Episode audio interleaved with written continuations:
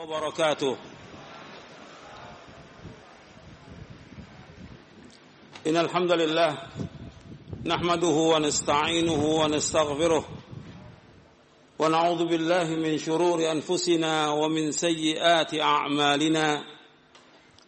من يهده الله فلا مضل له ومن يضلل فلا هادي له. أشهد أن لا إله إلا الله وحده لا شريك له. وأشهد أن محمدا عبده ورسوله. يا أيها الذين آمنوا اتقوا الله حق تقاته ولا تموتن إلا وأنتم مسلمون. يا أيها الناس اتقوا ربكم الذي خلقكم من نفس واحدة وخلق منها زوجها وبث منهما رجالا كثيرا ونساء. واتقوا الله الذي تساءلون به والارحم إن الله كان عليكم رقيبا. يا أيها الذين آمنوا اتقوا الله وقولوا قولا سديدا.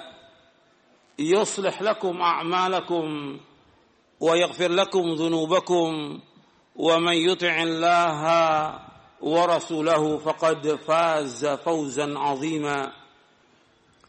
أما بعد فإن أصدق الحديث كتاب الله وخر الهدي هدي محمد صلى الله عليه وعلى آله وسلم وشر الأمور محدثاتها وكل محدثة بدعة وكل بدعة ضلالة وكل ضلالة في النار. معاشر المسلمين rahimakumullah kepada kaum muslimin dan muslimat kepada seluruh yang hadir bapak ibu-ibu ikhwan dan akhwat yang mudah-mudahan dirahmati oleh Allah Subhanahu wa taala. Alhamdulillah kita bersyukur kepada Allah Subhanahu wa taala atas segala nikmat yang Allah karuniakan kepada kita nikmat Islam, nikmat iman, nikmat sehat, nikmat afiat dan nikmat yang lain yang sangat banyak yang tidak akan bisa kita hitung. Dan nikmat yang Allah karuniakan kepada kita banyak sekali dan kita wajib bersyukur kepada Allah Subhanahu wa taala atas semua nikmat. Apa saja yang kita peroleh semua datangnya dari Allah Subhanahu wa taala. Wa ma bikum min ni'matin famin Allah apa saja yang kamu peroleh dari nikmat itu semua datangnya dari Allah Subhanahu wa taala. Dan kita bersyukur atas semua nikmat. Dari mulai kita lahir sampai kita dewasa ini ini kita sudah mendapatkan nikmat yang sangat banyak yang tidak akan kita bisa hitung. Allah berfirman wa in ta'uddu ni'matallahi la tuhsuha innal insana ladzalumun kafar. Seandainya kamu menghitung nikmat-nikmat Allah, kamu tidak akan dapat menghitung nikmat-nikmat itu. Sesungguhnya manusia sangat zalim dan manusia sangat kufur. Kita bersyukur kepada Allah atas semua nikmat. Dan kita harus berusaha bagaimana menjadi hamba Allah yang bersyukur. Karena sedikit dari hamba Allah yang bersyukur. Kebanyakan manusia tidak bersyukur. Allah berfirman dalam surah Al-Baqarah, "Inna Allah ladzu fadlin 'alan nas, walakinna aktsaran nasi la yashkurun." Sesungguhnya Allah SWT mempunyai keutamaan bagi manusia. Allah banyak memberikan karunia dan nikmat kepada manusia, tetapi kebanyakan manusia tidak bersyukur. Walakinna aktsaran nasi la yashkurun. Tetapi kebanyakan manusia tidak bersyukur. Dan Allah juga menyebutkan wa qalilun min syakur, sedikit dari hamba-hambaku yang bersyukur. Allah yang mengatakan demikian. Wa qalilun min syakur, sedikit dari hamba-hambaku yang bersyukur. Makanya kita berusaha bagaimana menjadi hamba Allah yang bersyukur. Dengan apa bersyukurnya? Dengan beriman kepada Allah. Dengan mentauhidkan Allah. Dengan kita terus melaksanakan perintah-perintah Allah, menjauhkan larang-larangannya. Itu syukur. Dan syukur itu dibangun di atas tiga pondasi. Syukur itu dibangun di atas tiga pondasi.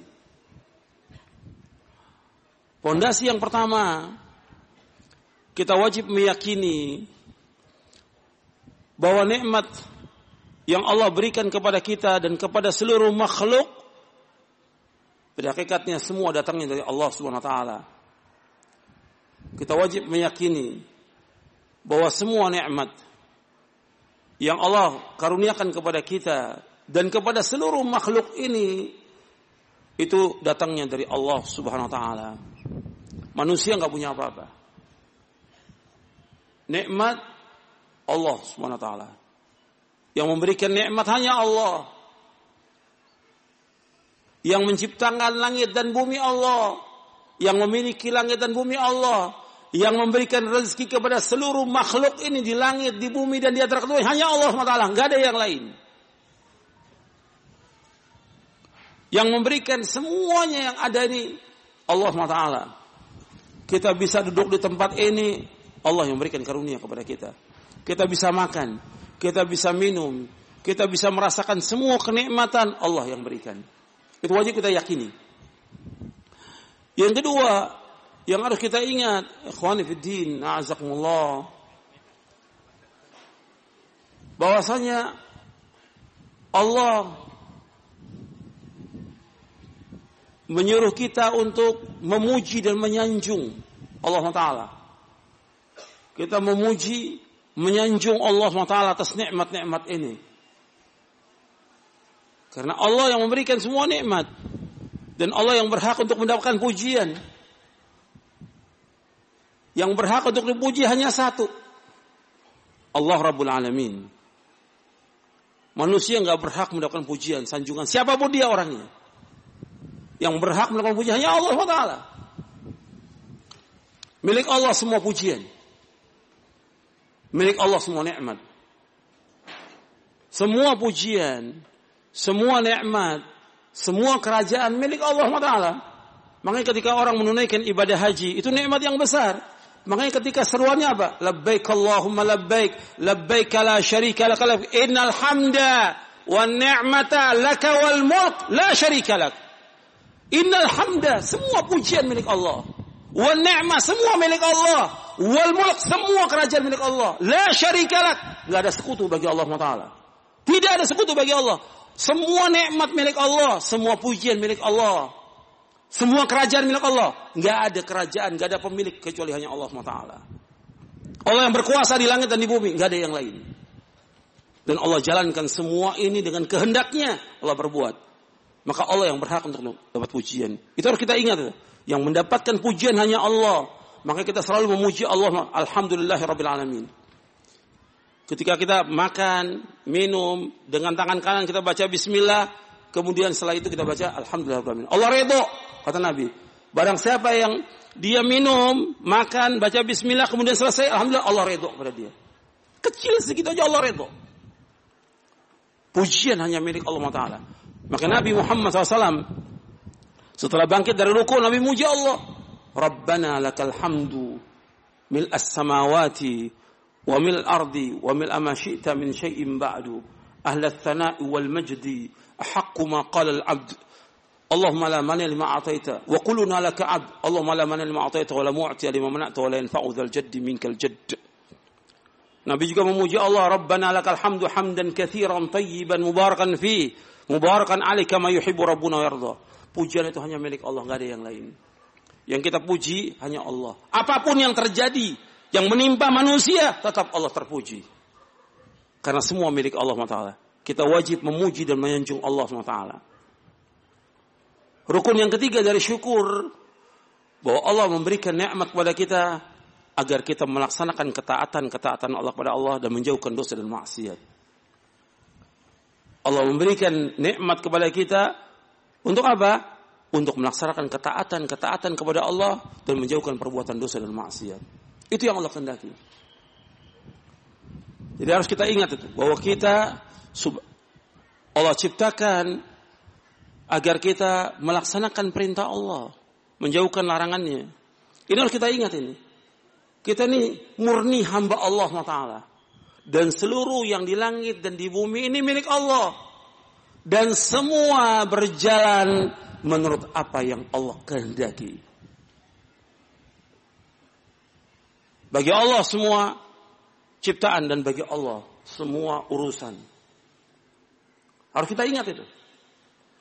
Dan kita murni hamba Allah. Hamba Allah. Dan Allah menciptakan kita untuk apa? Untuk makan, minum, main, jalan-jalan. Untuk apa kita? Allah ciptakan kita untuk ibadah kepada Allah. Ketika kita melaksanakan ibadah kepada Allah, pasti Allah berikan rezeki kepada kita. Ketika kita melaksanakan ibadah kepada Allah, pasti Allah berikan rezeki. Pasti. Allah berfirman dalam surah Al-Dhariyat.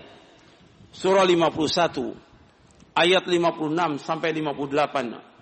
Allah berfirman, "Wa ma khalaqtul jinna wal insa illa liya'budun." Ma uridu minhum min rizqin wa ma uridu. Inna Allah war quwwatil matin. Allah berfirman di dalam surah Az-Zariyat surah 51 ayat 56 sampai 58. Tidak aku ciptakan jin dan manusia melainkan untuk beribadah kepadaku.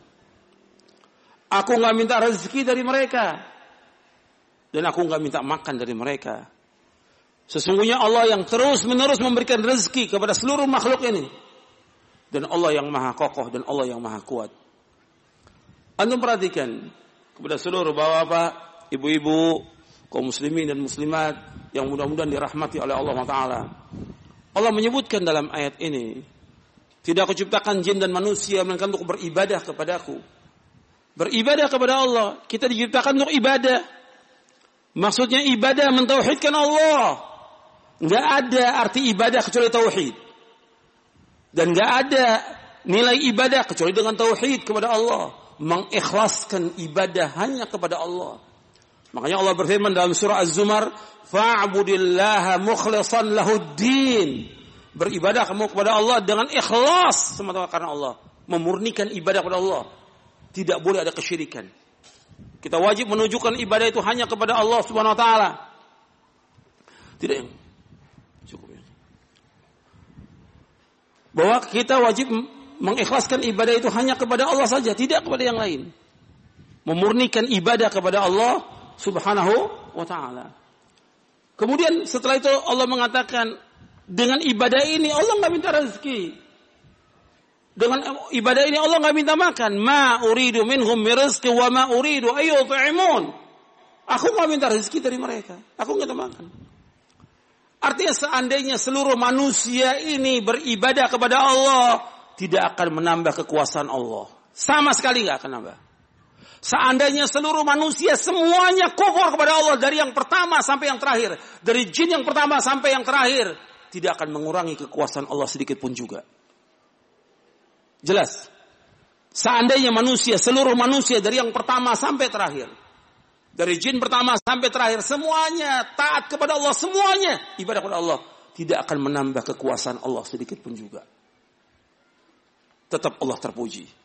Seandainya semua manusia dari yang pertama sampai terakhir. Semuanya. Dari jin pertama sampai terakhir. Semuanya kufur kepada Allah. Semuanya kufur. Nggak ada yang beriman. Tetap Allah mulia. Allah tetap gagah. Allah tetap perkasa. Allah tetap terpuji. Allah maha mulia. Itu harus kita ingat itu. Bukan berarti Allah butuh kepada ibadah kita. Tidak. Allah nggak butuh kepada ibadah kita. Tapi kita yang butuh kepada Allah Taala. Allah nggak butuh kepada kita. Tapi kita yang butuh pada Allah dengan ibadah ini akan mendekatkan diri kita kepada Allah.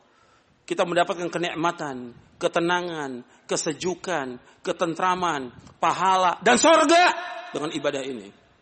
Sorga dengan ibadah ini kita cari sorga bukan yang lain.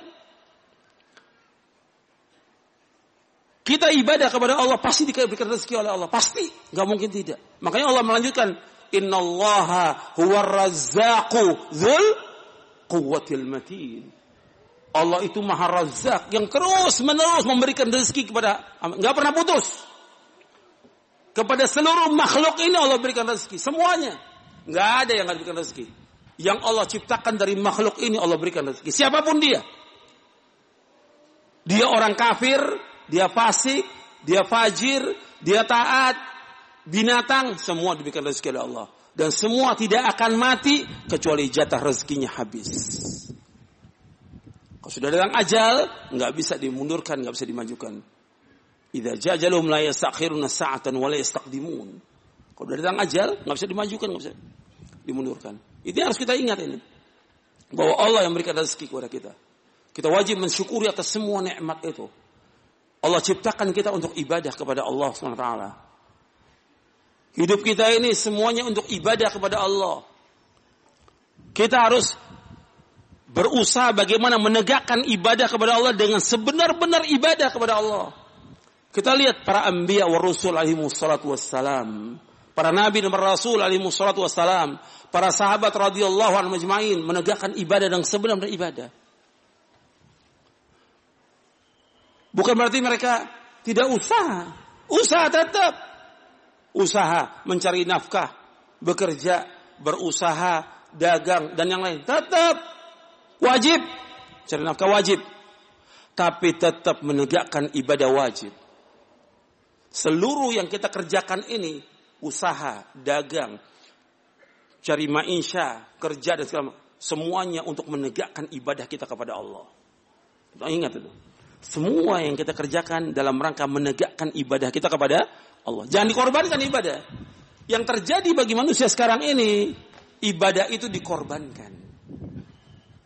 Karena dagang, karena kerja, karena usaha, karena mencari maisha, ibadahnya dikorbankan. Ibadah yang dikorbankan. Nuntut ilmu dikorbankan, dikorbankan, baca Quran dikorbankan, berzikir dikorbankan, berbakti pada orang tua dikorbankan. Kemudian juga sholat yang lima waktu dikorbankan, yang wajibnya dia berjamaah, dia nggak berjamaah dikorbankan untuk dagang, kerja, kuliah, cari maisha, jabatan dan segala macam dikorbankan. Kita wajib menegakkan ibadah kepada Allah. Allah ciptakan kita untuk apa? Harus jelas tuh. Wa ma khalaqtul jinna wal insa illa liya'budun. Untuk menegakkan ibadah kepada Allah. Dengan ibadah itu pasti dikasih rezeki Allah. Pasti. Nggak mungkin tidak. Orang yang gak ibadah dikasih rezeki sama Allah, apalagi yang ibadah. Gak mungkin Allah gak kasih rezeki. Yang ruku dan sujud pasti dikasih rezeki Allah. Lalu kita yakinin. Harus kita yakin. Ini masalah akidah. Kalau kita yakin, Allah pasti kasih rezeki. Kalau kita yakin tentang itu, kita akan tenang dalam hidup ini. Yakin kepada Allah Taala. Allah pasti memberikan rezeki kepada kita, pasti. Tetap laksanakan ibadah. Sambil contoh dua dalam Al-Quran. Di dalam Al-Quran Allah menyebutkan tentang orang yang ibadah itu diberikan rezeki oleh Allah Taala. Contoh yang pertama tentang kisah Maryam. Maryam dalam Al-Quran dalam surah Ali Imran. Maryam ini ibunya siapa? Ibunya siapa? Nabi Isa alaihi salatu wassalam. Dipelihara oleh Nabi Zakaria alaihi salatu wassalam. Allah sebutkan dalam surah Ali Imran, "Kullama dakhala 'alaiha Zakaria al-mihrab wajada 'indaha rizqa." Qala ya Maryam anna laki hadha? Qalat huwa min 'indillah. Inna Allah yarzuqu man yasha'u bighairi hisab. Setiap Nabi Zakaria masuk ke mihrabnya, tempat ibadahnya Maryam, didapati rezeki. Setiap masuk, Kullama dakhala, kullama dakhala. Zakaria al-mihrab. Masuk ke tempat ibadahnya Maryam. Nabi Zakaria alaihissalam mendapatkan rezeki. Makanan, buah-buahan. Ada. Ditanya oleh Nabi Zakaria, "Anna laki hada?" Dari mana ini? Dari mana? Qalat huwa min indillah. Ini dari Allah. Inna Allah yarzuqu man yasha'u bighairi hisab. Allah memberikan rezeki kepada hambanya tanpa hisab. Allah memberikan rezeki kepada siapa yang Allah kehendaki dari hamba tanpa hisab. Ini ibadah kepada Allah diam di mihrabnya Maryam bintu Imran radhiyallahu anha yang termasuk sayyidatu ahli jannah tokohnya wanita sorga tokoh wanita, wanita sorga itu ada empat kata Nabi sayyidatu ahli jannah tokohnya wanita sorga ada empat yang pertama Asia. Yang kedua Maryam. Yang ketiga Khadijah yang keempat Fatimah radhiyallahu anhun. Di sini Anda perhatikan. Begitu Nabi Zakaria alaihissalam masuk ke mihrabnya mendapat rezeki. Antum tahu Nabi Zakaria itu sudah umur tua sekali, tua sekali. Mungkin kalau kita ini sudah di atas 70 umurnya, mungkin lebih. Dan istrinya juga demikian, sudah umurnya. Nggak punya anak. Nggak punya anak. Doanya, terus doa nggak pernah berhenti doanya. Tapi begitu melihat rahmat Allah yang sangat luas. Maka Allah sebutkan lanjutan dari ayat ini. Hunalika da'a Zakaria rabbah. Sejak itu Nabi Zakaria nggak pernah berhenti untuk apa? Untuk berdoa terus. Nabi Zakaria sudah terus berdoa kepada Allah. Minta apa? Minta apa? Minta keturunan. Begitu lihat rezeki yang Allah berikan kepada Maryam, nggak putus asa Nabi Zakaria. Terus berdoa, meskipun umurnya sudah sangat tua. Sudah ubanan semua, rambutnya sudah ubanan. Terus berdoa. Dan istrinya mandul. Terus berdoa kepada Allah. Sampai Allah berikan keturunan seorang anak yang belum pernah ada nama sebelumnya. Yaitu namanya Yahya. Nikmat dari Allah. Makanya orang nggak boleh putus asa dari rahmat Allah. Nggak boleh putus asa dari rahmat Allah. Rezeki pasti Allah berikan. Yakin. Contoh yang kedua. Allah menyebutkan tentang sholat. Di dalam surah Taha. Di ayat 132. Allah berfirman dalam surah Taha. Surah 20 ayat 132 wa'mur ahlaka bis salati wastabir 'alaiha la nas'aluka rizqa nahnu narzuquk wal 'aqibatu littaqwa Allah berfirman perintahkanlah keluarga kamu untuk salat wa'mur ahlaka bis salat perintahkan keluarga kamu untuk salat wastabir alaiha dan sabarlah atasnya. Sabar. Suruh istri, anak, keluarga salat, sabar. Lanas aluka rizqa. Kami nggak minta rezeki kepada kamu. Nahnu narzuquk. Kami akan berikan rezeki kepada kamu. Wal akibatu dan akibat yang baik bagi orang yang takwa. Akibat yang baik bagi orang yang takwa. Allah menyebutkan dengan salat itu Allah berikan apa di sini? Rezeki. Dengan salat Allah berikan rezeki. Makanya kita harus bersyukur atas semua nikmat Allah. Dengan melaksanakan ibadah kepada Allah Taala. Dengan ibadah ini kita akan dapat rezeki dari Allah Taala. Pasti, pasti. Kalau orang kafir, orang fajir, orang fasik, munafik dikasih rezeki Allah, masa orang yang ruku dan sujud kepada Allah nggak dikasih nggak mungkin. Pasti dikasih. Kita harus meyakini Allah itu Ar-Razzaq, Maha pemberi rezeki. Makanya kita tinggal kembali kepada kita. Kita ini sudah belum menjadi hamba Allah yang bersyukur kepada Allah. Itu dulu. Kalau kita lihat, kalau kita lihat, saya dan antum belum menjadi hamba yang bersyukur. Lu perhatikan? Saya dan antum sama. Kita belum menjadi hamba yang bersyukur kepada Allah. Masih banyak kekurangan kita. Kita harus terus, terus berusaha bagaimana bersyukur kepada Allah subhanahu wa ta'ala. Jadi hamba yang bersyukur. Karena syukur ini penting. Dengan syukur itu Allah berikan segalanya. Allah tambah rezeki kita. Allah berfirman dalam surah Ibrahim, surah yang ke-14 ayat 7, La in syakartum saya ulangi lagi, la in syakartum la azidannakum wa la in kafartum Inna azabi lasyadid. Seandainya kamu bersyukur, akan ditambah nikmat itu oleh Allah Taala. Wala in kafartum, seandainya kamu kufur, inna azabi lasyadid. Sungguhnya azabku itu sangat pedih. Sangat pedih. Makanya kita harus banyak bersyukur atas semua nikmat. Enggak terhitung sudah. Nikmat yang Allah berikan kepada Seandainya, seandainya ini. Kita nggak punya apa-apa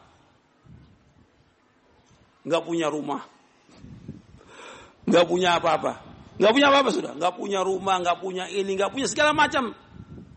Kita hidup sendirian, nggak punya apa-apa. Bersyukur nggak kita kepada Allah? Bersyukur nggak? Bersyukur. Allah berikan kepada kita mata, telinga, hidung untuk bernapas, lisan, tangan, kaki, dan yang lainnya. Nggak bisa dihitung nikmat itu. Dengan apa pun juga. Nggak bisa dihitung nikmat itu. Antum lihat Nabi Muhammad Sallallahu Alaihi Wasallam, Sayyidul Anbiya al Mursalin, di rumahnya hidup dengan sederhana. Punya berapa kurma? Yang punya cuma ada air putih dan tiga butir kurma. Syukur pada Allah. Antum mungkin punya beras. Gak tahu ya berapa karung antum punya ya. Nabi Muhammad Sallallahu Alaihi Wasallam Sayyidul Anbiya punya cuma air dan cuma kurma. Itu pun ketika ada orang miskin yang datang diberikan kurma itu kepada orang miskin. Syukur kepada Allah Taala. Ini harus kita perhatikan bahwa kita ini sudah diberikan nikmat yang luar biasa oleh Allah. Cuma syukurnya kita belum kepada Allah Taala. Nikmat kita diberikan oleh Allah Taala. Nikmat. Kalau dibandingkan dengan orang-orang yang lebih susah dari kita. Makanya dalam masalah supaya kita bersyukur kepada Allah, kita harus melihat ke mana ke atas atau ke bawah kata Nabi. Ke bawah. Yang lebih susah dari kita banyak. Yang lebih parah dari kita sangat banyak. Maka kata Nabi dalam hadis yang sahih yang diriwayatkan oleh Imam Bukhari dan Muslim, Nabi bersabda SAW, "Unduru ila man huwa asfala minkum, wa la tanzuru ila man huwa fawqakum, fahuwa ajdaru alla tazdaru ni'matallahi 'alaikum." Kata Nabi, lihat kepada yang di bawah kamu. Jangan lihat yang atas. Dalam masalah harta, dalam masalah tubuh kita, dalam masalah dunia, lihat kepada yang bawah. Unduru ila muaswala minkum. Lihat kepada orang di bawah kamu, jangan lihat kepada atas.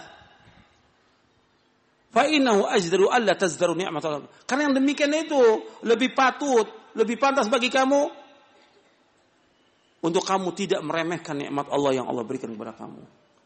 Nikmat yang Allah berikan sekecil apa pun wajib disyukuri atau tidak? Nikmat yang Allah berikan kepada kita sekecil apa pun wajib disyukuri atau tidak? Wajib. Wajib. Ada orang ngasih uang kepada kita lima ribu rupiah. Diucapkan apa? Alhamdulillah. Ya cuma lima ribu. Ya cuma beras setengah kilo. Wajib bersyukur atas semua nikmat. Alhamdulillahirabbil alamin. Alhamdulillah syukur kepada Allah semua nikmat. Nikmat itu harus kita syukuri. Jangan kita nggak bersyukur kepada Allah. Kalau nggak bersyukur, kufur, Allah murka kepada kita. Syukuri semua nikmat. Maka Nabi menjadi hamba-hamba Allah yang bersyukur. Semua Nabi. Dan di antara syukur itu tadi sudah saya sebutkan dari tiga fondasi syukur itu. Yang pertama mengakui nikmat itu semua datang dari siapa? Allah. Yang kedua kita apa? Memuji, menyanjung Allah dan menampakkan nikmat itu. Yang ketiga Nikmat itu digunakan untuk apa? Untuk melaksanakan ketaatan kepada Allah Taala, menjauhkan maksiat. Antum lihat Nabi Muhammad SAW. Saya mau tanya kepada antum, Nabi Muhammad SAW dijamin masuk surga atau tidak? Jamin pasti masuk surga. Tempatnya di surga yang paling tinggi. Dan pintu surga yang pertama kali dibuka oleh siapa? Oleh Nabi Muhammad SAW. Di dalam hadis yang sahih yang diriwayatkan oleh Imam Muslim dalam sahihnya. Ketika Nabi Muhammad SAW mengetuk pintu sorga, ditanya oleh malaikat, siapa? Muhammad. Untuk engkau pertama kali untuk dibuka pintu sorga. Belum ada yang masuk sorga kecuali engkau pertama kali. Nabi Muhammad. Yang pertama kali masuk sorga. Yang paling tinggi Firdausal A'la. Tapi Nabi Muhammad meskipun pasti dijamin sorga. Nabi ibadah nggak kepada Allah? Ibadah. Semua yang wajib-wajib Nabi laksanakan. Semua yang sunnah Nabi kerjakan. Sampai Nabi melakukan sholat malam. Kakinya bengkak Nabi. Bengkak Nabi. Terus melaksanakan sholat tahajud, sholat malam. Berdoa kepada Allah SWT. Dengan rasa takut dan harapannya kepada Allah. Ibadahnya kepada Allah SWT. Sampai kakinya bengkak. Sampai seorang istri mengatakan, Ya Rasulullah, bukankah Allah sudah mengampuskan dosa-dosa engkau yang lalu dan akan datang? Allah sebutkan dalam Al-Quran, bahwa dosa Nabi sudah diampunkan semuanya yang lalu dan akan datang. Maksum, tempatnya di sorga. Tapi tetap Nabi laksanakan sholat tahajud. Sholat tahajud itu wajib atau sunnah? Wajib atau sunnah? Sunnah. Tetap Nabi laksanakan yang sunnah itu. Sampai Nabi jawab dalam hadis yang sahih dari Bukhari Muslim, afala akunu abdan syakura. Tidakkah pantas aku menjadi hamba yang bersyukur? Nabi jawab apa? Dengan melaksanakan yang wajib, melaksanakan yang sunat. Nabi jawab apa? Afala akunu abdan syakura. Tidakkah pantas aku menjadi hamba yang bersyukur? Udah sepatutnya aku melaksanakan ini. Yang sunnah-sunnah ini dalam rangka apa? Bersyukur kepada Allah. Kalau nabi-nabi semua demikian dan Nabi Muhammad sebagai tokohnya para nabi sallallahu alaihi wasallam Nabi Muhammad sallallahu alaihi wasallam melaksanakan yang wajib dan yang sunnah apalagi kita kita ini banyak dosa kita ini banyak maksiat kita harus bertobat kepada Allah makanya ini ini syukur saya bawakan jelas sampai sini syukur nih jelas ya syukur jelas ya definisi syukur jelas Pelaksanaannya jelas melaksanakan ketaatan kepada Allah menjauhkan apa? Maksiat. Jangan diartikan syukur makan. Kalau di Indonesia yang namanya syukur apa? Makan. Syukur itu ibadah, taat kepada Allah bukan makan. Indonesia ini semuanya syukuran, syukuran makan, makan. Ibadahnya enggak. Yang ada apa? Makan dari mulai lahir sampai mati makan. ibadah, tegakkan ibadah kepada Allah Taala, ketaatan kepada Allah, mentauhidkan Allah, menjauhkan syirik, menjauhkan perbuatan dosa dan maksiat. Ini syukur kepada Allah Taala. Ini harus kita tegakkan sebagai seorang Muslim, seorang Muslimah. Kita sebagai hamba Allah, hamba Allah. Perhatikan kita sebagai hamba Allah. Tegakkan itu, ketaatan ketaatan kepada Allah Taala. Makanya kalau kita lihat Nabi Muhammad SAW yang diampunkan semua dosanya ibadah terus sampai Allah berfirman kepada Nabi Muhammad SAW wa'bud rabbaka hatta ya'tiyakal yakin di akhir surah Al-Hijr beribadah kamu kepada Allah sampai datangnya al-yakin maksudnya al-yakin al-maut kematian jadi nggak ada dalam Islam itu perbedaan orang dalam ibadah nggak ada dalam Islam nggak ada perbedaan ibadah. Oh ini kelasnya kelas bawah, ini kelas atas. Ini kelas sudah udah tinggi ini, lu nggak perlu ibadah lagi. Ada nggak dalam Islam seperti itu? Tidak ada. Nggak ada. Semua manusia sama dalam pandangan Allah. Wajib melaksanakan apa? Ibadah kepada Allah. Bahkan semakin tinggi dia kedudukannya, semakin wajib dia melakukan ibadah kepada Allah. Melaksanakan ketaatan yang wajib dan yang sunnah. Jelas sampai sini, jelas ya. Jadi nggak ada perbedaan, nggak ada. Kan ada di dalam sebagian ajaran yang oh ini kelasnya bawah ini, ini masih syariat, ini torekot, ini hakikat, ini ma'rifat. Udah gugur kewajiban. Nggak ada dalam Islam. Nggak ada. Antum nih ikut siapa? Ikut Nabi Muhammad SAW atau tidak? Kalau ikut Nabi Muhammad SAW, Nabi Muhammad SAW melaksanakan semua ibadah kepada Allah SWT sampai datangnya kematian. Nggak ditinggalkan. Baik yang wajib maupun yang sunnah. Tiap Jumat Nabi tetap khutbah di Masjid Nabawi. Nggak ada. Ditanya, Pak Kiai khutbah sholatnya di mana? Oh, kalau dia wali sholatnya di Mekah. Nggak ada dalam Islam. Nggak ada dalam Islam. Semua sama. Wajib melaksanakan ibadah. Siapa pun dia orangnya. Dia seorang awam. Dia seorang penuntut ilmu, dia seorang guru, seorang ustadz, seorang tuan guru, seorang kiai, seorang habib, seorang pejabat, siapa aja, semuanya sama dalam pandangan Allah. Wajib melaksanakan ibadah kepada Allah. Wajib. Gak ada perbedaan. Dalam Islam gak ada. Gak ada kasta dalam Islam gak ada. Harus melaksanakan ibadah kepada Allah Taala. Sebagai bentuk syukur kita kepada Allah karena kita diciptakan oleh Allah untuk apa? Untuk ibadah kepada Allah Taala. Dengan ibadah ini yang kita akan tuju apa? Tuju. Kita ingin dengan ibadah ini banyak yang kita tuju. Tujuan yang paling akhir, yang paling besar adalah apa? Sorga. Dengan ibadah ini mendapatkan kita ketenangan. Dalam ibadah kita mendapatkan kesejukan. Dengan ibadah kita dapatkan ketentraman. Dengan ibadah kita dapatkan pahala. Dengan ibadah kita dapatkan kedudukan yang tinggi di sisi Allah Taala. Dengan ibadah kita masuk sorga. Maka Nabi Muhammad SAW ketika ada masalah apa-apa Nabi mengatakan kepada para sahabatnya sampai kepada Bilal, arehna ya Bilal bis salah. Tenangkan kami wahai Bilal dengan salat.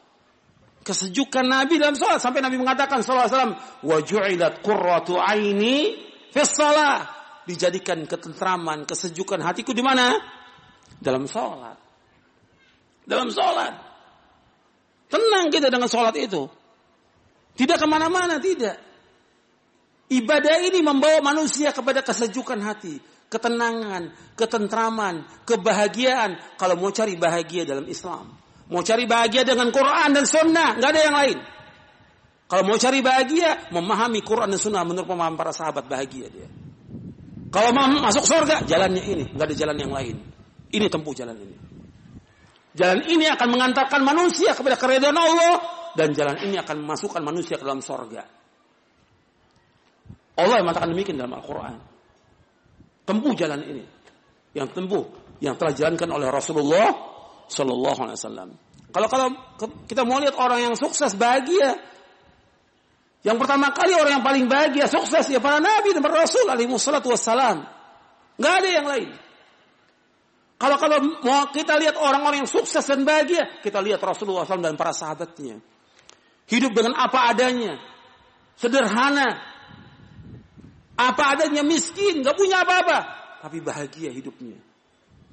Sampai Nabi Muhammad Sallallahu Alaihi Wasallam ditawarkan oleh malaikat. Malaikat ini, kata malaikat Jibril. Kata malaikat Jibril. Malaikat ini, kata malaikat Jibril kepada Nabi Muhammad SAW. Ya Rasulullah, ini malaikat. Sejak diciptakan oleh Allah SWT belum pernah turun ke dunia. Sejak diciptakan Allah. Sekarang dia datang kepadamu. Apa kata malaikat ini? Kata malaikat ini, ya Rasulullah. Allah memerintahkan aku untuk menawarkan kepada engkau. Apakah engkau ingin menjadi raja sekaligus seorang rasul atau engkau menjadi hamba dan sekaligus seorang rasul? Apa kata malaikat Jibril? Tawadha ya Rasulullah. Tawadha Tawadu ya Rasulullah, tawadu. Apa kata Rasulullah? Bal abdan rasula. Bal abdan rasula. Aku menjadi seorang hamba dan seorang rasul. Hamba dan rasul. Padahal ditawarkan. Kalau raja, ada fasilitas apa enggak? Kalau seorang raja, ada fasilitas apa tidak? Ada. Ada istana, ada singgasana, ada kekayaan, ada segala macam dikasih oleh Allah. Tapi Nabi nggak mau bal abdan rasula bakal sebagai hamba dan rasul bahkan Nabi Muhammad sallallahu alaihi wasallam pernah istrinya Aisyah radhiyallahu anha dikasih kasur yang empuk. Belum tahu Nabi Muhammad pemimpin dunia Sayyidul Anbiya Umsrin surga yang paling tinggi tidur dengan alas apa aja sampai mukanya terlihat ini bekas-bekas tikar. Ini kisah yang pertama ini sebelum saya bawakan yang Aisyah melihat yang demikian Umar berkata ya Rasulullah engkau seorang pemimpin. Aku lihat Persia Romawi bagaimana rajanya dengan kesinggasananya. Kok seperti ini? Umar menangis lihat Nabi. Apa kata Nabi Muhammad? Dengan tenang dijawab, Ya Umar. Mereka ini tilka ummatun Ujilat tayyibatum fil hayati dunia. Mereka satu kaum yang Allah segerakan nikmati dunia. Tapi di akhirat nggak tahu apa. Dalam hadis yang lain, ini hadis riwayat Bukhari dua-duanya ini. Amar tardo antakuna lahumud dunya walanal akhirah. Apakah kamu tidak redo bagi mereka dunia semua mereka miliki dengan kesenangannya dan bagi kita akhirat? Pilih yang mana? Dunia apa akhirat? Akhirat. sengsara sesaat. Kita susah sesaat. Tapi kenikmatan yang abadi yang kita harapkan. Bukan dunia. Kemudian waktu kisah Aisyah yang juga riwayatnya sahih. Ketika dikasih kasur itu, apa kata Nabi kepada Aisyah? Rudi ya Aisyah, rudi, kembalikan. Aisyah nggak mau kembalikan. Rudi ya Aisyah, kembalikan. Gak mau Aisyah kembalikan. Kemudian Nabi SAW berkata kepada Aisyah, Wahai Aisyah, kalau seandainya aku mau, ini gunung di Madinah Allah jadikan sebagai emas dan perak untuk aku. Kata Rasulullah. Untuk meyakinkan Aisyah. Radiyallahu Ya Aisyah, kalau seandainya aku mau, ini Rasul yang bersabda Rasulullah Seandainya aku mau, Allah akan jadikan gunung ini di Madinah jadi emas dan perak untuk aku. Tapi Nabi nggak mau. Nabi hidup dengan apa adanya. Syukur kepada Allah dengan nikmat yang ada menjadi orang yang paling kaya di muka bumi ini. Sampai sini jelas? Jelas. Saya, saya masuk yang kedua.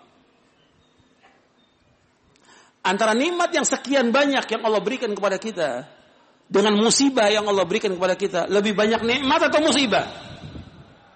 Saya ulangi lagi.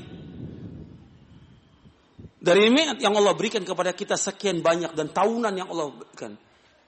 Dari mulai sehari ini nggak ada sedetik, pun nikmat yang kita nggak peroleh. Pasti kita peroleh. Satu detik mesti ada peroleh nikmat.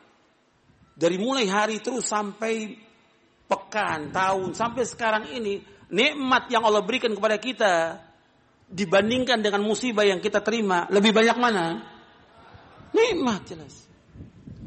Musibah yang menimpa manusia bentuknya gempa, banjir, roboh, ada yang meninggal, ada yang ini kecil dibandingkan dengan nikmat yang Allah berikan. Nikmat sangat banyak. Tapi musibah sedikit. Nggak mungkin Allah akan memberikan musibah terus yang akan menghancurkan manusia. Tidak mungkin. Tidak mungkin. Allah memberikan musibah kepada kita. Itu ada ada hikmah yang luar biasa. Coba kita merenung dari musibah-musibah yang menimpa kepada kita ini apa yang terjadi bagi kita. Pasti ada pelajaran yang besar yang kita harus lihat. Allah menyebutkan di dalam surah Asy-Syura. Di surah Asy-Syura surah 42 ayat 30 Allah berfirman, "Wa ma asabakum min musibatin fabima kasabat aydikum wa ya'fu an katsir." Apa saja musibah yang menimpa kalian dengan sebab dosa-dosa kalian dan Allah banyak memberikan maaf kepada kalian. Kita kita renung dari ayat ini. Kita merenungkan ayat ini. Allah menyebutkan bahwa musibah yang menimpa manusia disebabkan karena apa? Kenapa? Dosa. Dosa dan maksiat ini banyak sekali yang kita lakukan. Nggak terhitung udah. Dosa itu mengakibatkan banyak masalah. Kalau antum baca bukunya Imam Ibn Qayyim, bagus sekali penjelasan tentang dosa dan obatnya. Ada wadawa. Bukunya Imam Ibn Qayyim. Ada wadawa. Penyakit dan obatnya. Karena dosa ini penyakit. Mendatangkan banyak bencana. Bencana yang luar biasa disebabkan karena dosa. Dosa ini banyak sekali kalau manusia. Kita nggak bisa diam. Kita harus lihat kejadian seperti ini. Yang pertama kali yang harus kita ingat. Pertama kali. Ya taubat kepada Allah Ta'ala. Taubat kepada Allah. Adanya gempa, adanya kematian, ada orang yang tertimpa bangunan dan ini. Kita taubat kepada Allah. Ini taubat dosa kita. Karena semua yang terjadi kerusakan disebabkan tangan-tangan manusia. Zahar al-fasadu fil barri wal bahri bima kasabat idin nas. Semua kerusakan yang terjadi di darat lautan dengan sebab tangan manusia. Maka Allah timpakan kepada mereka agar mereka kembali kepada Allah Taala. Dosa itu banyak. Kita wajib taubat kepada Allah. Taubat atas semua dosa. Kembali dengan betul taubatan nasuha. Kembali udah. Jangan sampai kita berbuat dosa lagi. Syaratnya tiga tobat itu. Yang pertama, yaitu kita meninggalkan perbuatan dosa itu. Harus kita tinggalkan dosa itu. Yang kedua, menyesali. Yang ketiga, yaitu kita punya azam yang kuat untuk tidak mengulangi lagi. Dosa-dosa yang kita lakukan, tinggalkan. Banyak yang kita lakukan dosa itu. Di antara kaum muslimin ada yang masih meninggalkan sholat, Ada yang berbuat yang haram, riba, durhaka pada orang tua. Dan yang lain banyak sekali kalau kita hitung puluhan dosa, bahkan ratusan dosa yang lakukan. Wajib dia taubat kepada Allah. Taubat, tapi terus taubat. Kan Allah menyuruh dalam Al-Quran. Suruh taubat kita. Ya ayyuhalladzina amanu tubu ilallahi taubatan nasuha. Wahai orang beriman, taubatlah kepada Allah dengan taubat yang nasuh. Taubat yang benar. Taubat yang jujur. Taubat yang ikhlas. Taubat yang tidak mengulangi dosa lagi. Taubat kepada Allah. Atas semua dosa. Semua manusia punya dosa. Saya dan antum sama. Kita banyak dosa. Taubat kepada Allah. Tiap hari istighfar kepada Allah, minta ampun kepada Allah. Taubat kepada Allah atas semua dosa. Makanya Allah ketika menyebutkan kebahagiaan orang beriman apa? Watubu ilallahi jami'an ayyuhal mu'minuna la'allakum tuflihun. Taubatlah wahai manusia, semuanya kepada Allah. Taubat wahai kaum mukmin kepada Allah agar kalian menjadi orang-orang yang sukses, orang yang beruntung. Taubat kepada Allah. Taubat atas semua dosa. Perhatikan tuh, taubat ini penting. Dan kalau kita lihat lagi, ikhwan fillah, azakumullah. Banyak juga manusia yang lalai. Dari apa? Dari ibadah kepada Allah, lalai. Juga kalau kita lihat kesalahan yang paling besar dilakukan oleh manusia dalam perbuatan dosa, syirik. Apa syirik itu? Menyekutukan Allah, menduakan Allah. Dia berdoa kepada Allah, tapi berdoa juga kepada yang yang lain. Di Lombok ini ada nggak kuburan yang dianggap keramat? Ada nggak di Lombok? Banyak. Syirik nggak itu? Syirik. Terus kalau ada kesyirikan kita diam? Enggak. Ada orang yang maksiat, terbuka auratnya, telanjang, kemudian dia berbuat zina. Kita biarkan. Harus ada apa di sini? Amar ma'ruf, nahi mungkar. Harus ada. Semuanya harus ada. Dari setiap pribadi, rumah tangga harus. Masyarakat, kepala masyarakat. Terus. Semuanya kepala desa, wali kota, bupati, dan yang lain. Terus semua pejabat harus turun, gak boleh diam. Karena apa? Karena di antara sebab terjadinya gempa, kebanjiran, petaka dan lainnya karena manusia lalai dari amar ma'ruf nahi mungkar. Perhatikan itu. Ketika dibiarkan kemungkaran, ya terus musibah akan datang. Terus bencana akan datang. Kita harus terus menyuruh yang ma'ruf mencegah yang mungkar. Terus. Karena inti dari agama Islam ini al-amru bil ma'ruf wan nahyu anil mungkar. Inti agama ini menyuruh yang ma'ruf mencegah yang mungkar. Ma'ruf yang paling ma'ruf apa? Saya ulangi lagi.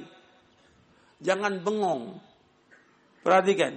Ma'ruf yang paling ma'ruf apa? Tauhid kepada Allah. Mungkar yang paling mungkar apa? Syirik. Gak bisa dibiarkan kesyirikan. Kita harus terus mendawakan manusia untuk beribadah hanya kepada Allah. Kita diciptakan Allah untuk ibadah. Dan ibadah maksudnya tauhid kepada Allah. Tegakkan tauhid kepada Allah. Ikhlaskan ibadah kepada Allah. Kita tujukan seluruh bentuk ibadah hanya kepada Allah. Qul inna salati wa nusuki wa mahyaya wa mamati lillahi rabbil alamin la syarika lahu wa bidzalika umirtu wa ana awwalul muslimin. Allah berfirman di akhir-akhir surah Al-An'am, "Qul katakanlah sesungguhnya salatku, ibadahku, hidupku dan matiku semata-mata karena Allah. Enggak ada sekutu bagi Allah. Demikianlah aku diperintah. Dan aku yang pertama Islam. Allah perintah kita apa? Untuk mentauhidkan Allah. Seluruh ibadah kita ini untuk Allah SWT. Bukan untuk manusia. Apalagi untuk orang mati. Bagaimana orang datang ke, ke kuburan minta sesuatu? Kuburan siapa aja nggak bisa memberikan sesuatu kepada nggak akan bisa. Kok datang ke kuburan keramat minta? Ke kuburan wali, kuburan tuan guru, kuburan habib, nggak ada yang bisa. Mereka nggak mendengar dan nggak bisa menjawab. Sampai Allah katakan dalam Al-Quran, in tad'uuhum la yasma'u du'aakum walau sami'u mastajabu lakum wa yawmal qiyamati yakfuruna bisyirkikum wa la yunabbi'uka mithlu khabir. Kata Allah dalam surah Fatir Allah berfirman in tad'uuhum la yasma'u du'aakum. Seandainya kalian berdoa meminta kepada mereka mereka enggak dengar. Orang yang mati siapa pun dia orang enggak dengar. Orang yang minta Walau sami'u seandainya mereka mendengar, mastajabu lakum, mereka nggak akan bisa menjawab. Nggak akan bisa menjawab. Wa yaumal qiyamati yakfuruna bisyirkikum wa la yunabbi'uka mithlu khabir. Kata Allah, seandainya nanti di hari kiamat mereka akan jadi musuh bagi kamu. Mengingkari kesyirikan kalian. Dan gak ada yang bisa menjelaskan kecuali Allah yang maha mengetahui. Sekarang orang datang ke kubur-kubur tertentu yang dianggap keramat atau wali atau yang lainnya. Minta di sana. Gak bisa apa-apa. Gak dapat apa-apa. Orang minta dimudahkan urusan. Dimudahkan jodohnya. Supaya diminta dimudahkan rezekinya. Supaya dimudahkan jabatannya. Atau yang lainnya. Gak bisa apa-apa. Ini kan kebodohan. Makanya orang yang berbuat syirik di samping pertama kali dia tidak menggunakan akalnya. Yang kedua nggak menggunakan hatinya. Yang ketiga kata Allah adalah orang yang paling sesat di muka bumi ini. Orang berbuat syirik itu.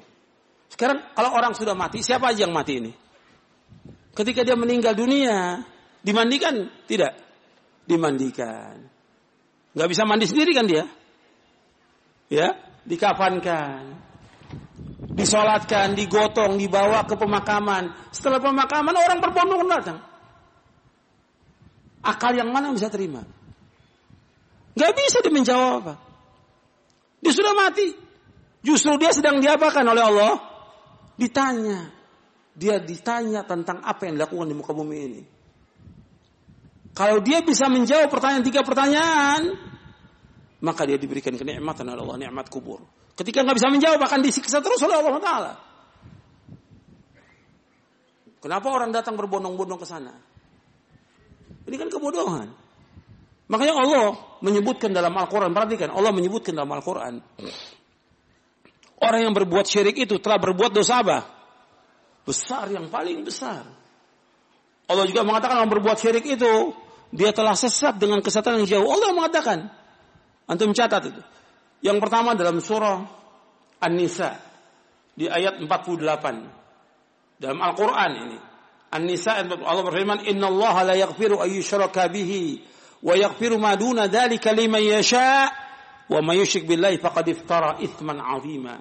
Sesungguhnya Allah tidak akan mengampuni dosa yang berbuat syirik dan Allah mengampuni dosa selain bagi siapa yang Allah kehendaki. Barang siapa berbuat syirik maka dia telah berbuat dosa besar yang paling besar. Sampai dikatakan dalam surah Luqman, syirik itu kezaliman atau tidak? Besar. Sampai nasihat Luqman kepada ya bu, nasihat Luqman kepada anaknya ya bunayya la tusyrik billah inna syirka la dzulmun azim. Wahai anakku jangan berbuat syirik. Syirik itu kezaliman yang amat besar. Kezaliman yang paling zalim syirik. Kemungkaran yang paling mungkar syirik. Maksiat yang paling maksiat syirik. Gak bisa dibiarkan. Harusnya terus ingatkan kaum muslimin dengan cara yang baik, ditegur dengan cara yang baik, diingatkan. Jangan sampai berbuat syirik. Yang kedua Allah mengatakan orang berbuat syirik sesat. Allah mengatakan dalam Al-Quran. Di surah yang sama, surah An-Nisa. Di ayat 116. Allah berfirman, Inna Allah la yaghfiru ayyushraka bihi. Wa yaghfiru ma duna dhalika liman yasha. Wa man yushrik billahi faqad dhalla dhalalan ba'ida. Sesungguhnya Allah tidak mengampuni dosa yang berbuat syirik dan Allah mengampuni dosa selain bagi, bagi siapa yang Allah kendaki. Barang siapa berbuat syirik, maka sungguh dia telah sesat dengan kesesatan yang jauh. Sesat kata Allah, sesat. Orang berbuat syirik itu. Yang mengatakan sesat siapa? Allah yang mengatakan sesat, bukan saya. Allah yang mengatakan sesat. Orang berbuat syirik itu sesat. Yang mengatakan siapa? Allah.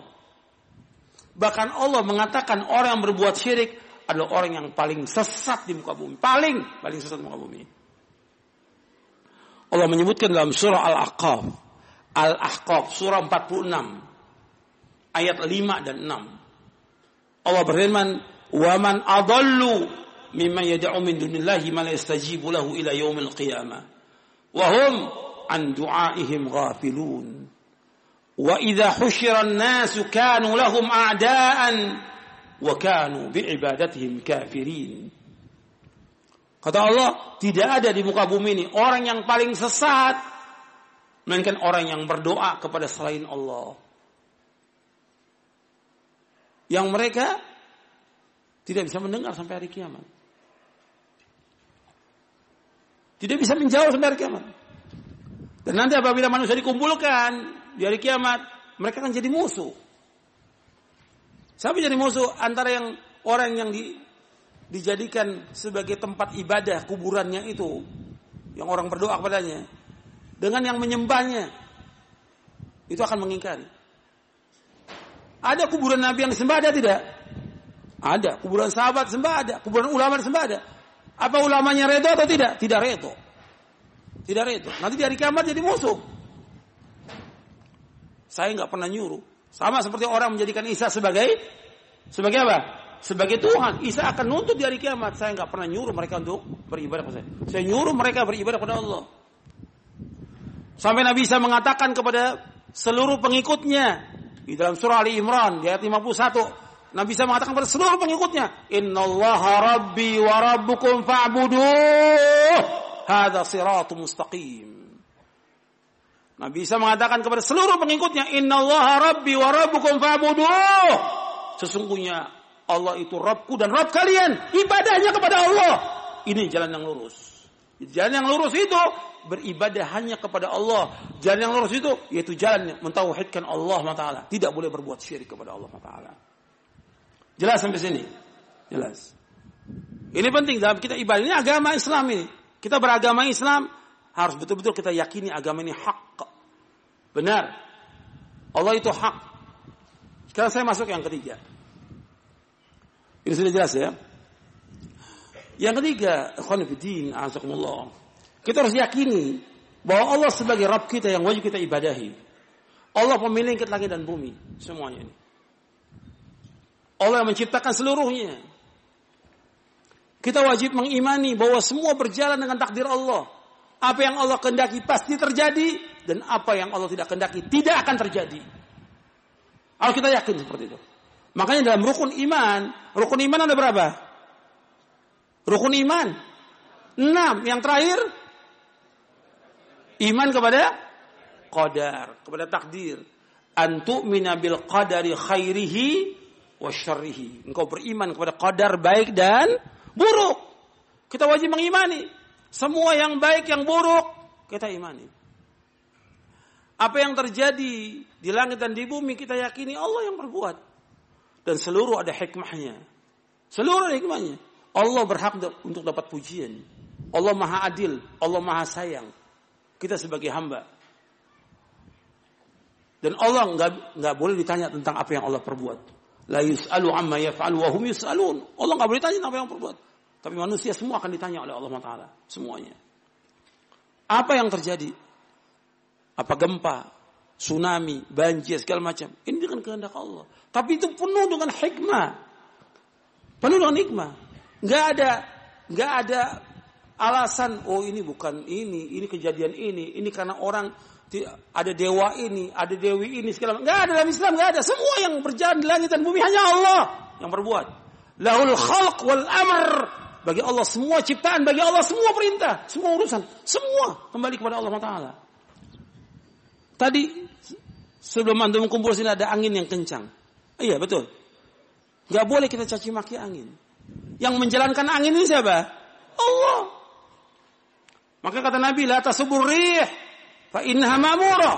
Jangan kamu caci maki angin. Angin disuruh oleh Allah Taala. Makanya ketika angin bertiup, kamu minta kepada Allah. Allahumma in Allahumma inna nas'aluka khaira hadhihi wa khaira ma fiha wa khaira ma ursilat bih atau ma umirat bih wa na'udzubika min syarri wa syarri ma umirat bih. Kita berlindung pada Allah. Minta kebaikan ya Allah, nas'aluka khairaha wa khaira ma fiha wa khaira ma umirat bih. Ya Allah, aku minta kebaikan angin ini. Kebaikan apa yang ada padanya, kebaikan apa yang diperintahkan oleh Allah Taala. Wa na'udzubika min syarri hadhihi wa syarri ma fiha wa syarri ma ursi wa ma umirat bi. Dalam riwayat yang lain ma ursilat bi. Ya Allah, aku berlindung pada angin ini. Dan apa yang dibawa oleh angin ini. Dan apa yang diperintahkan. Kita berlindung pada Allah dari kejelekan kejelekan apa, apa yang ada dan kejelekan apa yang diperintahkan. Karena makmur. Orang nggak boleh mencaci maki masa, mencaci maki waktu, mencaci maki angin. Gak boleh mencaci maki hujan, mencaci maki panas, nggak boleh. Semua berjalan dengan kehendak Allah dan semua berjalan dengan perintah Allah Taala. Allah yang berbuat semuanya. Makanya kembali kita untuk apa? Untuk kembali kepada Allah. Taubat kepada Allah, ibadah kepada Allah, berdoa kepada Allah, doa kepada Allah, minta. Kalau ada apa yang terjadi, jangan mengeluh kepada manusia, minta kepada Allah. Karena yang menjalankan semua ini bukan manusia, Allah SWT yang menjalankan semua ini. Kita makhluk, kita hamba mahat, murni kita sebagai hamba. Atau kita, kita umpamakan kita ini sebagai budak murni. Majikan satu, Allah Allah sebagai Rabb, Rabbul Alamin. Makanya kita sebagai hamba ini jangan sombong. Jangan angkuh. Jangan berbuat sewenang-wenang, jangan.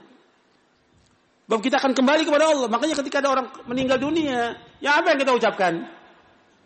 Inna lillahi wa inna ilaihi rajiun. Sesungguhnya kita ini semua milik Allah. Dan kita semua akan kembali ke mana? Pada Allah.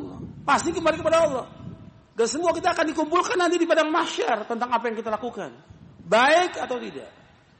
Makanya ini harus kita perhatikan bahwa kita hamba Allah. Makanya kalau kita sebagai hamba Allah, bagaimana kita mengikhlaskan ibadah pada Allah? Kita meyakini Allah yang menciptakan langit dan bumi ini, menciptakan seluruh makhluk. Allah menjalankan semuanya. Allah yang memiliki, Allah yang menghidupkan, Allah yang mematikan, Allah yang mentakdirkan semuanya. Makanya Allah satu-satunya zat yang wajib kita ibadahi. Dan kita berdoa hanya kepada Allah, meminta hanya kepada Allah, tidak yang lain. Makanya Al-Quran dari 100 Al-Quran 114 surah.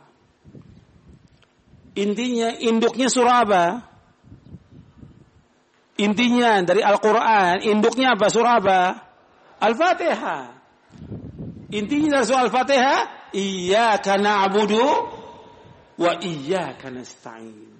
Hanya kepada engkau saja ya Allah kami beribadah. Dan hanya kepada engkau saja ya Allah kami mohon pertolongan. Hanya kepada Allah aja, nggak ada yang lain. Hanya kepada Allah kita beribadah. Tujukan seluruh bentuk ibadah kepada Allah. Dan hanya kepada Allah kita minta tolong. Maka seluruh ibadah kita lakukan ikhlas karena Allah. Kita melakukan apa aja? Sholat, puasa, zakat, haji, sedekah. Kita lakukan semuanya, berzikir dan lainnya. Semua karena Allah. Jangan karena manusia. Dan kita minta tolong pada Allah. Tolong menolong di antara manusia dianjurkan. Wa ta'awanu 'alal birri wa taqwa wa la ta'awanu 'alal itsmi wal 'udwan dalam surah Al-Maidah. Hendaklah kalian tolong menolong perbuatan baik dan takwa. Jangan kalian tolong menolong perbuatan dosa dan permusuhan. Kalau di dosa, maksiat, syirik, beda maksiat, jangan tolong menolong. Jelas tuh. Kalau taat, kita tolong menolong. Tapi maksiat nggak boleh tolong menolong. Kalau maksiat. Yang melarang siapa? Yang melarang siapa? Allah. Kita ini hamba Allah. Jalankan sama Allah. Bukan hambanya penguasa. Bukan hambanya atasan kita, bukan. Hamba Allah. Kita wajibkan semua perintah Allah. Kita hamba murni, hamba Allah. Di situ baru kita akan menjadi orang yang paling bahagia. Ibadah kepada Allah Taala. Terus ibadah. Apa yang bisa kita lakukan ibadah. Antum banyak bertobat kepada Allah. Laksanakan sholat yang lima waktu. Kemudian juga bangun tengah malam. Doa kepada Allah. Minta kepada Allah. Doa. Terus doa kepada Allah. Minta agar kita dihindarkan dari berbagai macam malapetaka. Minta kepada Allah. Maka doa-doa yang paling baik dipanjatkan kepada Allah. Doa-doa yang paling baik dipanjatkan kepada Allah. Yang pertama apa? Minta diampunkan semua dosa. Itu perhatikan tuh. Doa-doa yang paling baik kita panjatkan. Minta diampunkan semua dosa. Yang kedua, minta kepada Allah agar kita diberikan apa? Petunjuk oleh Allah Taala. Hidayah. Ketika kita nggak dapat hidayah, sesat atau tidak? Sesat. Makanya kita ulang-ulang 17 kali apa? Ihdinas siratal mustaqim. Siratal ladzina namta alaihim ghairil maghdubi alaihim waladdallin. 17 kali. Belum tambah lagi yang sunnah-sunnah. Maka Nabi sering berdoa kepada Allah. Dan hadisnya sahih. Nabi berdoa, Allahumma inni as'alukal huda wa tuqa wal afafa wal ghina. Coba ulangi lagi. Allahumma Allahumma inni as'alukal huda wat tuqa wal afafa wal ghina. Ya Allah kami minta kepada Engkau ya Allah petunjuk. Ketakwaan. Al-afaf terpelihara diri. Terpelihara diri kita, jaga diri kita, nggak minta-minta pada manusia. Wal ghina cukup merasa cukup dengan apa yang ada. Kita harus banyak doa kepada Allah Taala. Doa. Doa. Doa yang baik-baik kita minta. Di antaranya itu, minta kepada Allah petunjuk. Minta juga kepada Allah al-afwa wal afiyah. Minta maaf kepada Allah dan juga dijauhkan dari malapetaka. Allah maka Nabi mengajarkan kepada pamannya Abbas, "Ya Abbas, banyakkan doa tentang apa? Al-afwa wal afiyah. Allahumma inni as'aluka al-afwa wal afiyata fid dunya wal akhirah. Ya Allah, aku minta kepada Engkau maaf dan juga afiat di dunia dan di akhirat. Kemudian minta lagi yang terbaik lagi apa? Minta kepada Allah Taala agar kita dimasukkan ke sorga, jauhkan dari neraka. Makanya Nabi sering membaca doa Rabbana atina fid dunya hasanah wa fil akhirati hasanah wa qina atau benar. Rabbana atina fid dunya hasanah wa fil akhirati hasanah wa qina. Ya Allah, berikan kepada kami dunia ini kebaikan dan berikan kepada kami di akhirat kebaikan. Kebaikan dunia apa? kebaikan dunia berupa ilmu yang bermanfaat. Kebaikan dunia berupa apa? Kebaikan berupa amal-amal saleh. Kebaikan dunia berupa apa? Istri yang saleha. Itu kebaikan dunia. Dan masih banyak lagi yang lain kebaikan dunia. Adapun kebaikan akhirat nggak ada lagi kecuali apa? Sorga. Itu yang kita minta. Makanya sahabat selalu minta kepada Allah sorga. Permintaan yang paling baik sorga. Bukan kedudukan, bukan jabatan, bukan, bukan dunia. Dunia ini ada harganya. Dan mintanya kepada Allah, jangan minta kepada manusia, minta kepada Allah. Minta masuk surga, jauhkan dari neraka. Maka ada seorang sahabat ketika minta di saat sholat itu di akhir tasawuf, Allahumma ini as'alukal jannah wa a'udzubika minan nar. Allahumma ini as'alukal jannah wa a'udzubika minan nar. Allahumma ini as'alukal jannah wa a'udzubika minan nar. Ya Allah minta pada surga jauhkan dari neraka. Siapa yang baca itu? Saya Rasulullah. Haulah hanu dan di sekitar itu kita terus minta kepada Allah. Karena hidup kita tujuannya apa? Surga. Makanya ketika antum mendapatkan cobaan, ujian, musibah, harus sabar dan sabar dan redo. Sabar dan redo. Kalau antum sabar, redo, sorga balasannya. Sabar, redo, sorga. Allah akan tunjuki hati kita untuk terus terima dengan apa yang Allah berikan. Sebab Allah mengatakan dalam surah At-Taghabun, surah yang ke-64 ayat 11, "Wa ma asabakum min musibatin fa bi idznillah wa man yu'min billahi yahdi qalbah." Ma asabakum min musibatin illa biidznillah. Apa yang menimpa kalian itu semua berjalan dengan izin Allah. Semua yang menimpa manusia dengan izin Allah.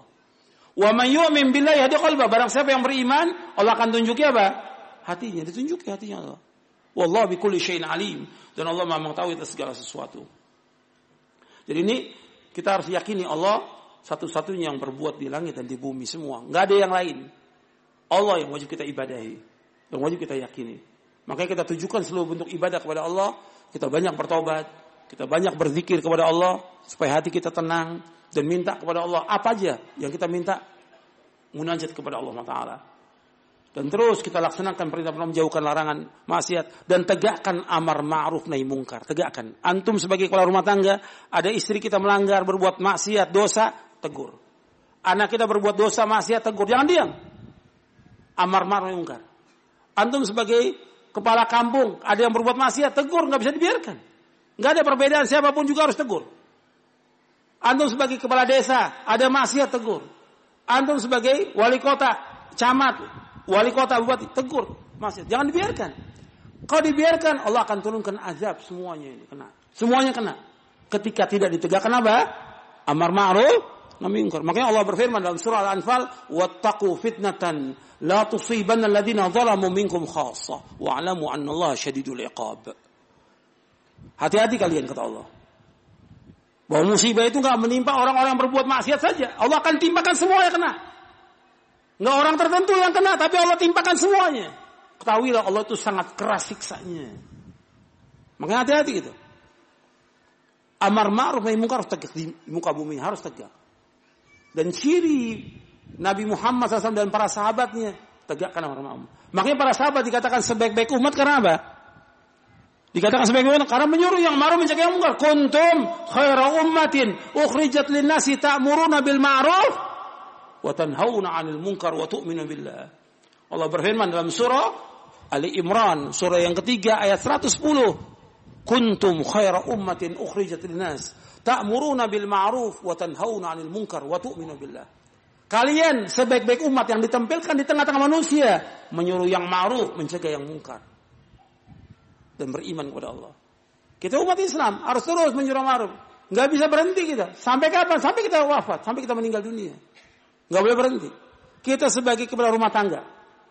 Kita sebagai orang awam, penuntut ilmu, sebagai seorang dai, kepala kampung, kita camat, kepala desa, bupati, wali kota harus tegakkan amar ma'ruf munkar. Baru Allah berikan rahmat. Dan kita harus mengajak ini semua yang ada ini tetangga kita, masyarakat kita agar mereka beriman kepada Allah. Negara ini akan aman, negara ini akan aman dan akan baik negara Indonesia ini kalau umatnya semuanya beriman dan bertakwa kepada Allah. Allah turunkan barakah dari langit dan bumi. Walau anna ahlal qura amanu wa taqaw la fatahna alaihim barakati minas sama wal ard. Kalau seandainya penduduk desa, penduduk kampung, penduduk negeri, penduduk semua nih negara ini beriman kepada Allah dan bertakwa kepada Allah, Allah turunkan barokah dari langit dan bumi. Tapi ketika mereka dustakan, ketika mereka maksiat, ketika mereka membiarkan perbuatan dosa maksiat, yang ada apa? Allah turunkan apa? Ada. Dan semuanya kena. Sampai sini jelas? Saya pikir cukup sampai di sini.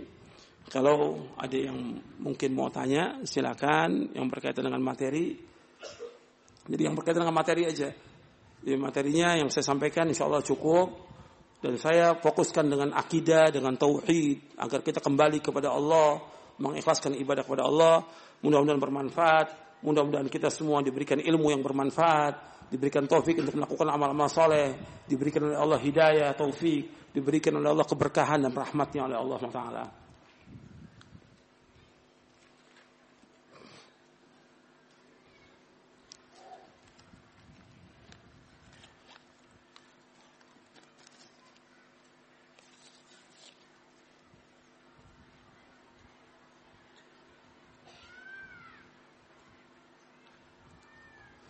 Bagaimana hukumnya seseorang yang menjadikan benda-benda tertentu sebagai penolak bala?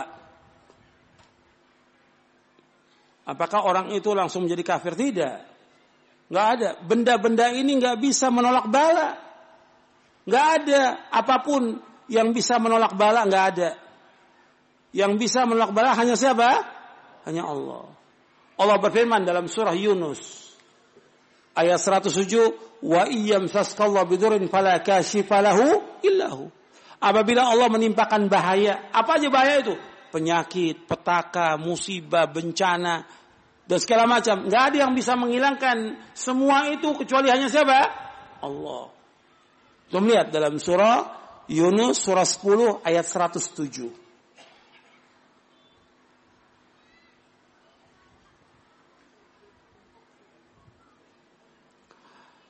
Apa nasihat Ustadz kepada kami orang yang terkena korban gempa di negeri di daerah ini?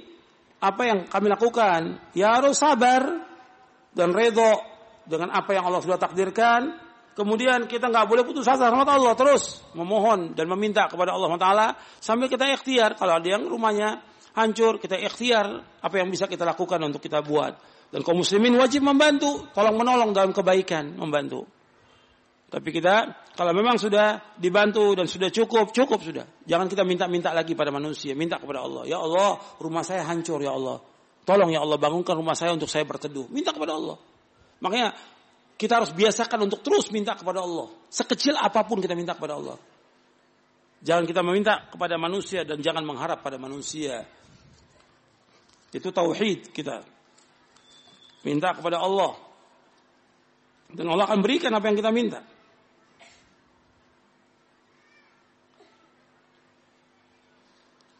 Bagaimana kalau ada lembaran-lembaran tulisan yang ditaruh kemudian diyakini bahwa bisa membawa kepada keberkahan dan juga penolakan bala. Ya sama seperti tadi nggak ada. Atau lembaran Quran ditaruh juga nggak ada. Nggak ada yang bisa menolak bala kecuali hanya Allah. Antum maunya ada ayat ayat Quran ditaruh di rumah. Nggak bisa menolak bala, bala ayat Quran. Ayat Quran itu Allah turunkan untuk dipajang apa dibaca? Dibaca bukan dipajang. Ayat Quran Allah turunkan untuk dibaca, ditadaburkan, difahami, diamalkan. Bukan dipajang. Bukan dijadikan jimat, gak boleh. Nabi bersabda Inna ruqa wa tamaima wa tiwalata syirkun.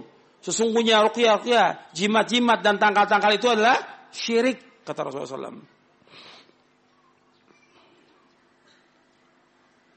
Tadi disebutkan tentang syukur. Bagaimana kita bersyukur kepada Allah? Kan tadi sudah saya jelaskan. Allahumma salli ala Muhammad. Tadi jelas saya jelaskan. Bersyukurnya kita dengan apa? Dengan melaksanakan ketaatan menjauhkan maksiat. Allahumma salli wa sallim wa barik.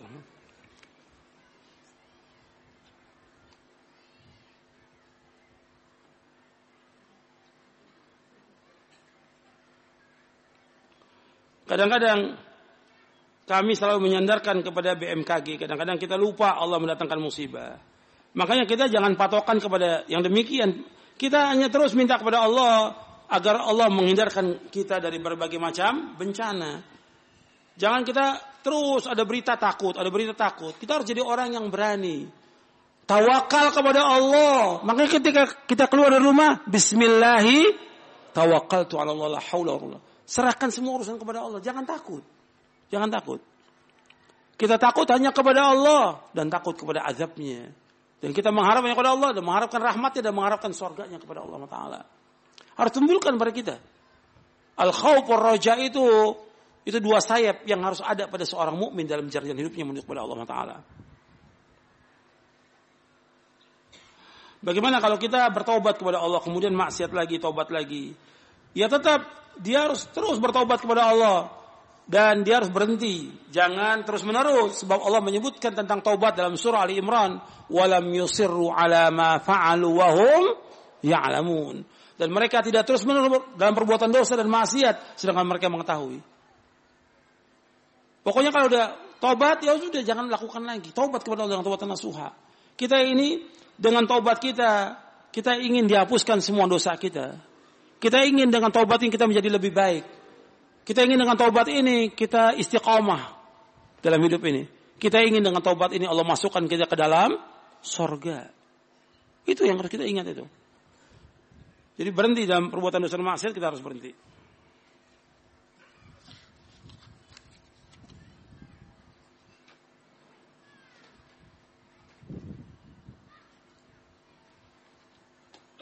Tadi disebutkan tentang empat wanita yang dimasukkan ke dalam sorga.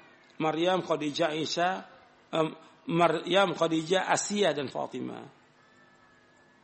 Kenapa Aisyah nggak masuk? Ya Nabi nyebutkan demikian. Nanti kalau kenapa Aisyah nggak masuk, yang lain istri Nabi, yang lain juga banyak kan. Kenapa Zainab nggak masuk? Kenapa Sofia nggak masuk? Antum nggak usah tanya. Kalau Nabi sudah sebutkan begitu ya sudah. Berarti yang lain juga masuk surga. Cuma ini sayyidat, tokoh-tokoh ahli surga. Nabi sebutkan.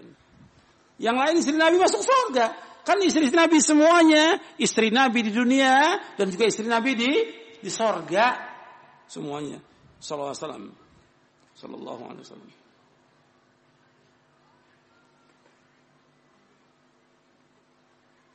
Dengan kita mendapatkan musibah dan kita menghadapi dengan sabar apakah dosa kita diampunkan oleh Allah? Iya. Kan disebutkan dalam hadis apa yang menimpa kita selama kita sabar menghapuskan dosa. Kan dalam hadis yang sahih yang diriwayatkan oleh Imam Bukhari dan Muslim bersabda, "Ma yusibul mu'mina min nasabin wala wasabin wala hammin wala haznin hatta syaukati yushaku illa kafar Allah biha khatayahu."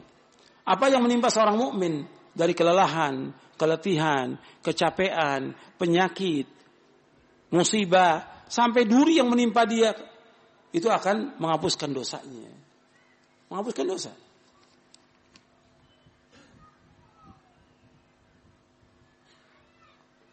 Apakah Islam Nusantara itu ada dan apakah keluar dari Ahlus Sunnah Jamaah? Ya keluar. Islam Nusantara ini nggak ada dalam Islam. Nggak ada Islam Arab, Islam Afrika, Islam Amerika, Islam Nusantara. Nggak ada dalam Islam. Islam satu yang dibawa oleh Nabi Muhammad SAW. Tujuan dari Islam Nusantara ini ingin melepaskan diri dari menurut mereka, menurut mereka ini kebiasaan-kebiasaan atau kearab-arapan dihilangkan. Kalau itu mau dihilangkan, berarti antum menghilangkan nabi antum. Nabi antum orang apa? Orang Arab. Berarti apa? Dia ingin berusaha mengajak manusia kepada apa? kekufuran dan kemurtatan dari agama ini. Dalam Islam nggak ada. Dia ingin melestarikan kesyirikan. Budaya-budaya syirik ingin dilestarikan. Adanya Islam Nusantara. Dalam Islam nggak ada. Ini istilah Islam Nusantara Islam yang sesat dan menyesatkan. Nggak ada. Seperti ini. Ini tokoh-tokohnya penyesatnya memang ada di Indonesia ini. Gitu. Dalam Islam nggak ada Islam Nusantara. Islam hanya satu yang dibawa oleh Nabi Muhammad SAW. Dan Allah redha dengan Islam ini. Al yawma akmaltu lakum dinakum wa atmamtu alaikum ni'mati wa raditu lakumul Islam dina. Islam satu.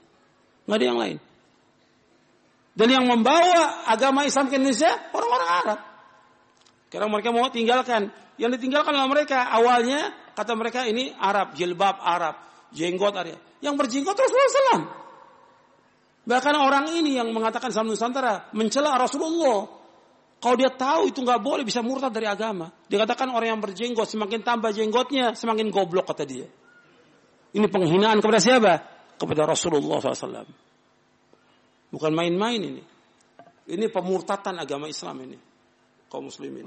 Jadi orang-orang Yahudi Nasrani berusaha untuk mengurutkan agama Islam, sekarang caranya berbeda, dipakai tokoh-tokoh agama untuk menyesatkan kaum muslimin.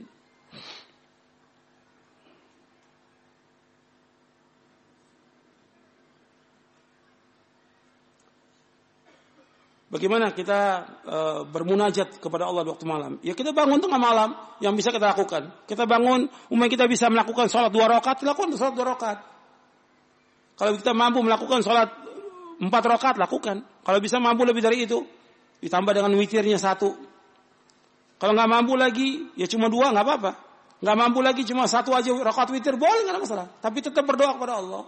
Tentang adab-adab berdoa saya bawakan dalam buku doa dan wirid. Nanti anda bisa lihat dalam buku doa dan wirid adab-adabnya panjang banyak. Dan itu semua yang mudah. Kita bisa doa kepada Allah dengan bahasa Indonesia bisa. Minta kepada Allah apa hajat kita minta kepada Allah Taala. Tapi tetap permintaan kita, doa yang terbaik yang kita panjatkan yang pertama tadi apa? Minta ampun atas semua dosa. Minta hidayah, minta jauhkan dari malapetaka, minta petunjuk, minta sorga. Itu.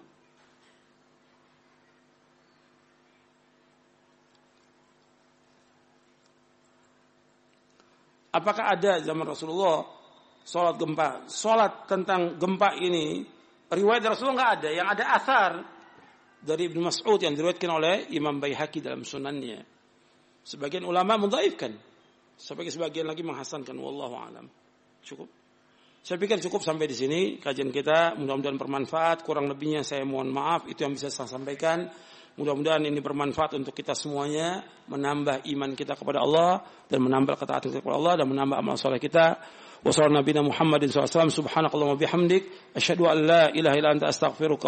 wassalamualaikum warahmatullahi wabarakatuh.